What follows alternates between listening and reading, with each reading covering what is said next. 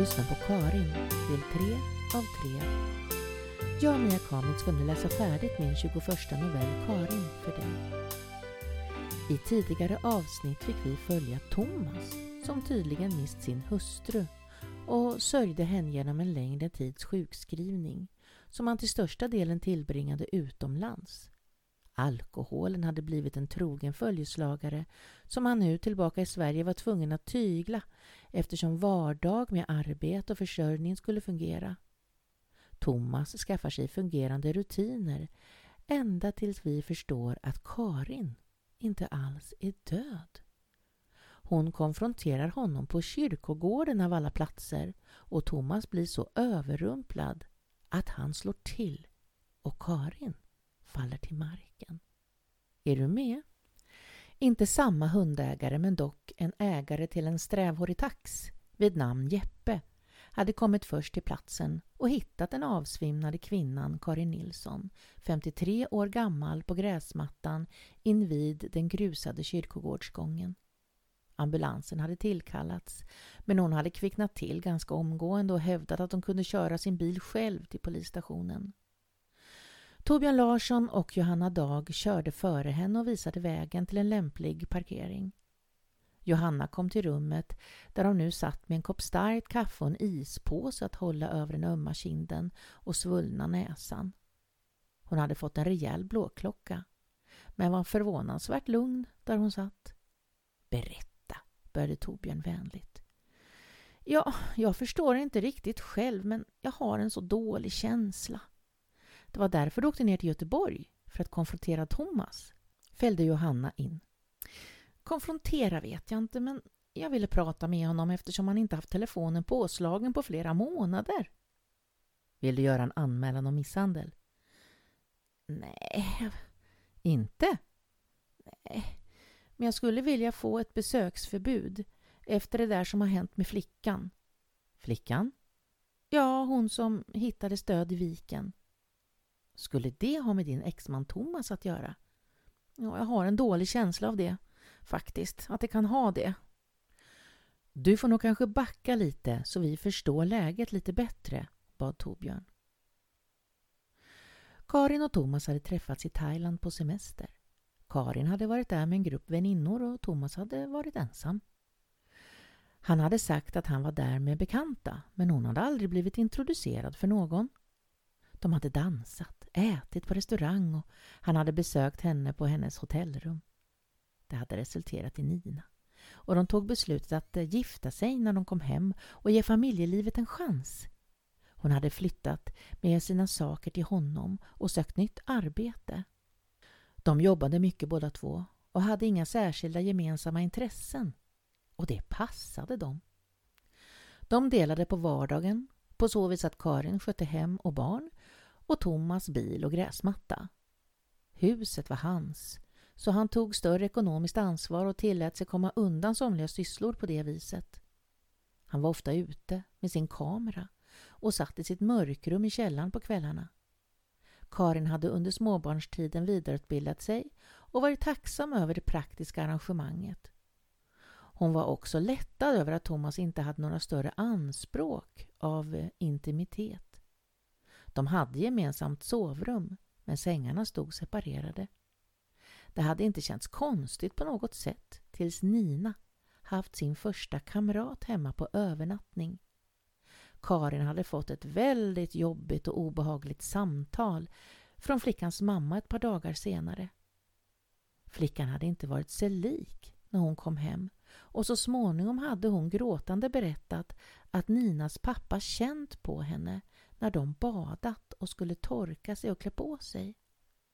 Att Thomas överhuvudtaget skulle beblanda sig och hjälpa till med barnen var ovanligt så det följande samtalet hade lett till en mycket prekär situation för de båda. Thomas slog ifrån sig och sa att flickorna vette ner hela parketten och att han var tvungen att torka upp och även dem så golvet inte skulle förstöras. Hans förklaring hade låtit vettigt vid tillfället. Karin hade dock blivit uppmärksam på hur Thomas tittade på Nina och han sa ofta att han tyckte att hon var fin när hon hade sitt mörka hår utsläppt. Thomas ville återkommande att de skulle åka till Thailand på semester. Han lämnade frekvent Karin och Nina för att ge sig av med sin kamera. Men hon fick nästan aldrig se några av hans bilder. Vid ett tillfälle hade Nina krävt att få se bilden hennes far precis knäppt på henne. Hon hade stått på ett sådant sätt vid en stenmur så att solen belyste henne från ett sådant håll att man kunde urskilja hennes små trosor genom den tunna sommarklänningen. Det var vid det tillfället som Karin bestämt sig för att ta Nina och flytta ifrån Thomas. När de kom hem från den resan hade Thomas mamma Lena-Karin insjuknat i svår cancer och det hade fördröjt deras planer om flytt och skilsmässa. Thomas hade motsatt sig flytten och det hade blivit en bråkig och svår tid då han krävde delad vårdnad vilket var otänkbart för Karin. Det var när individ och familj hade hört av sig om ett möte efter en sak som Nina sagt i skolan som flytten äntligen skedde. Nina hade sagt att mamma ville att de skulle flytta för att hennes pappa satt och tittade på henne när hon sov. Samtalet hade gjort Karin alldeles kall av fasa. Men ingenting annat hade framkommit. Det var bara det att Thomas just hade tittat på Nina när han trodde att hon sov. Och det var obehagligt. Karin och Nina hade flyttat till Göteborg i samma veva som Thomas mor Lena-Karin precis gick bort. Det blev stora förändringar på en gång för Thomas och kanske var det därför som han låtit sina arbetskamrater på firman tro att det var hans fru, Karin, som dött och inte hans mamma. De bar ju delvis samma namn. Även om han inte uttalat orden så var det det alla trodde och han utnyttjade situationen och sjukskrev sig. På grund av sorg reste han en månad till Thailand och passade på att stänga av sin mobiltelefon. Allt detta kom i dagen efter att hemtjänsten hört av sig till Karin då de inte kunnat få tag i Thomas.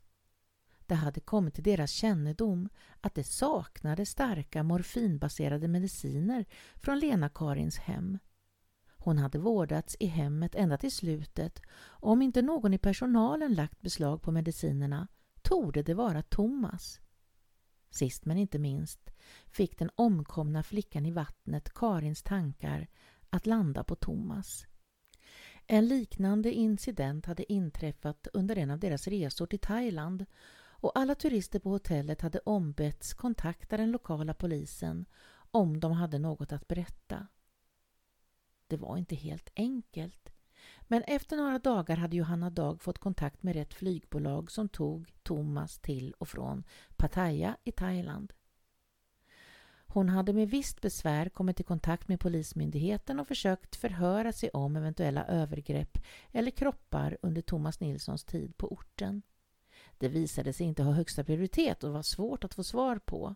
Övergrepp anmäldes sällan och dödsfall skedde av varierande slag och kunde mest bara konstateras. De kunde inte delge den svenska polisen någon talande statistik. Thomas Nilsson gick för tillfället inte att nå. Hans mobiltelefon var som tidigare avstängd och på firman han arbetade på hade han sjukanmält sig igen. De bekräftade det Karin redan berättat att de trott att Thomas hustru Karin dött och att det var därför som Thomas behövt vara sjukskriven så länge.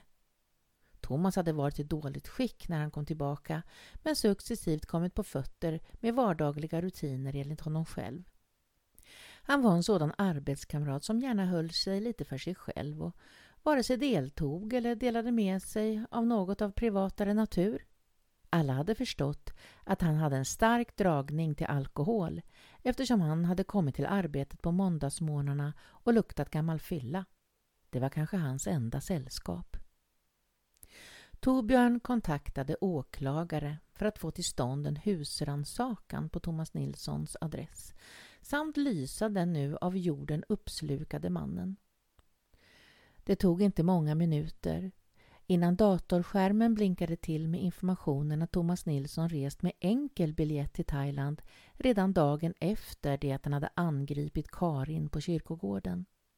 Hans pass var registrerat för utresa och vart någonstans han befann sig nu i det stora landet var det ingen som visste. I Thomas Nilssons hem fanns en laptop som Thomas själv förmodligen försökt att radera. Hans privata filer gick inte att återskapa men de sökningar som han gjort hintade omgående att hans preferenser för mörkhåriga flickor låg mellan 6 och 16 år. Torbjörn Larsson suckade djupt då de i källaren fann en papperskorg i metall där rester av brända negativ och pappersbilder fått gått upp i rök. Indicierna var många, men handfasta bevis få. Torbjörn och Johanna besökte Ninas tidigare barndomskamrat för att höra om händelsen vid övernattningen några år tidigare.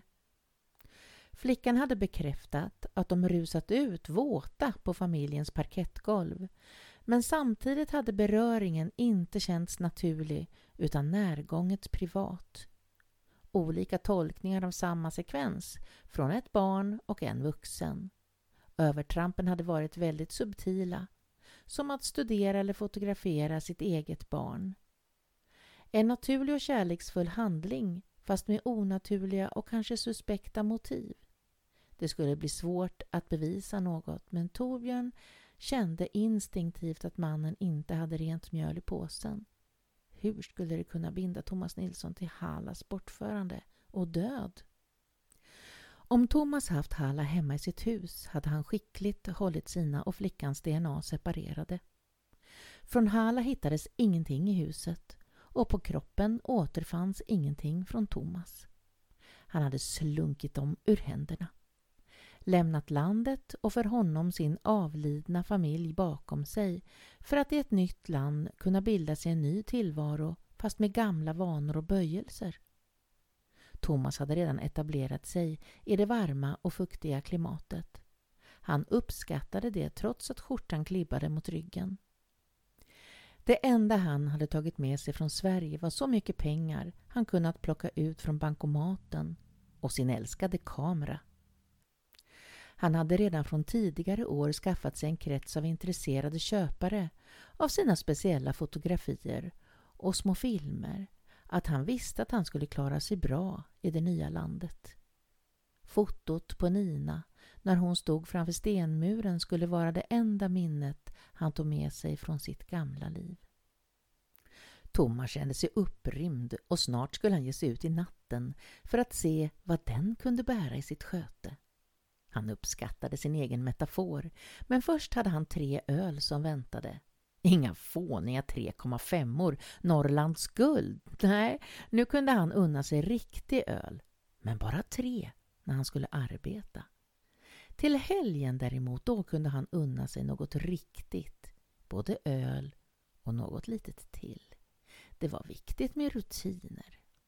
Torbjörn Larsson läste i tidningen om flickan Hallas begravning. Men efter bara några dagar hade rösterna om att ingen gärningsman bundits vid dådet tystnat. Torbjörn och Johanna samtalade en dag över en sen lunch om hur dottern Nina och hennes mamma Karin skulle fortsätta sina liv. Poliserna var ändå glada för deras skull att inget löp om familjefadern Thomas eventuella missgärningar hade gått ut över Sverige.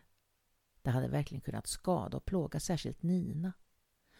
Det var både meningslöst och oetiskt att gå ut med de indicier de hade. Torbjörn grämdes över det undermåliga resultatet av utredningen och visste att det skulle hålla honom vaken ett flertal nätter många år framöver.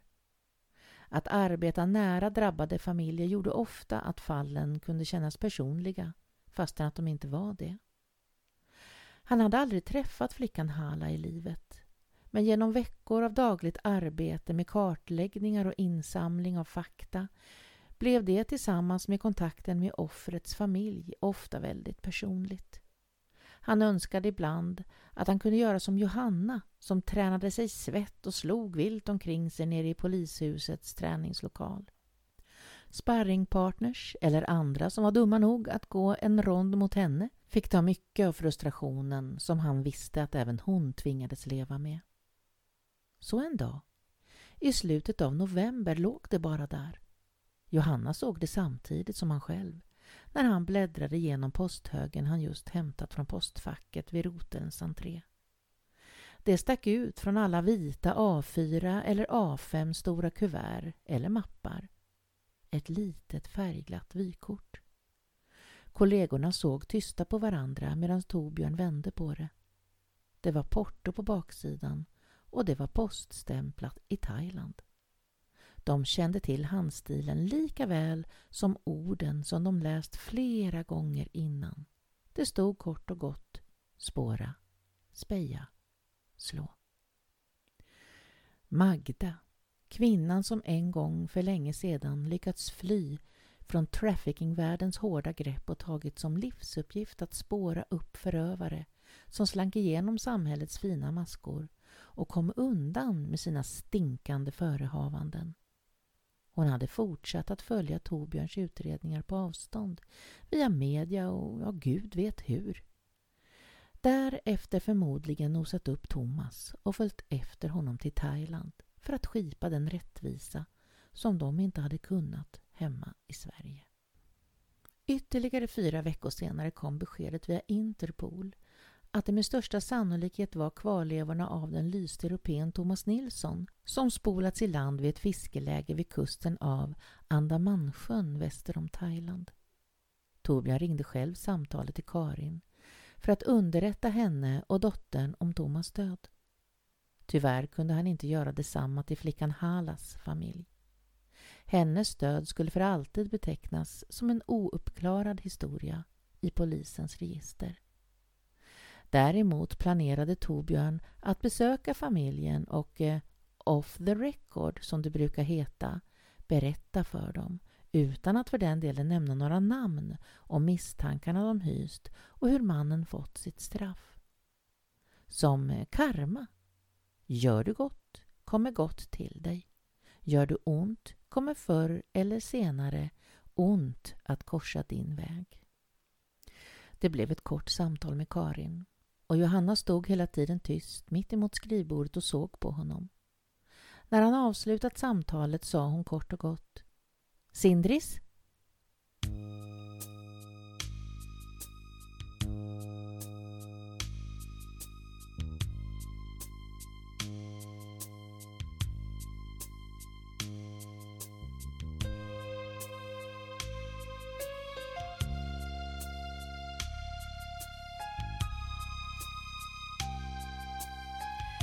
Tack för att du har lyssnat. Rävsaxen slog igenom förövaren som i det här fallet också blev bytet. Rävsaxar är inga trevliga tingestar.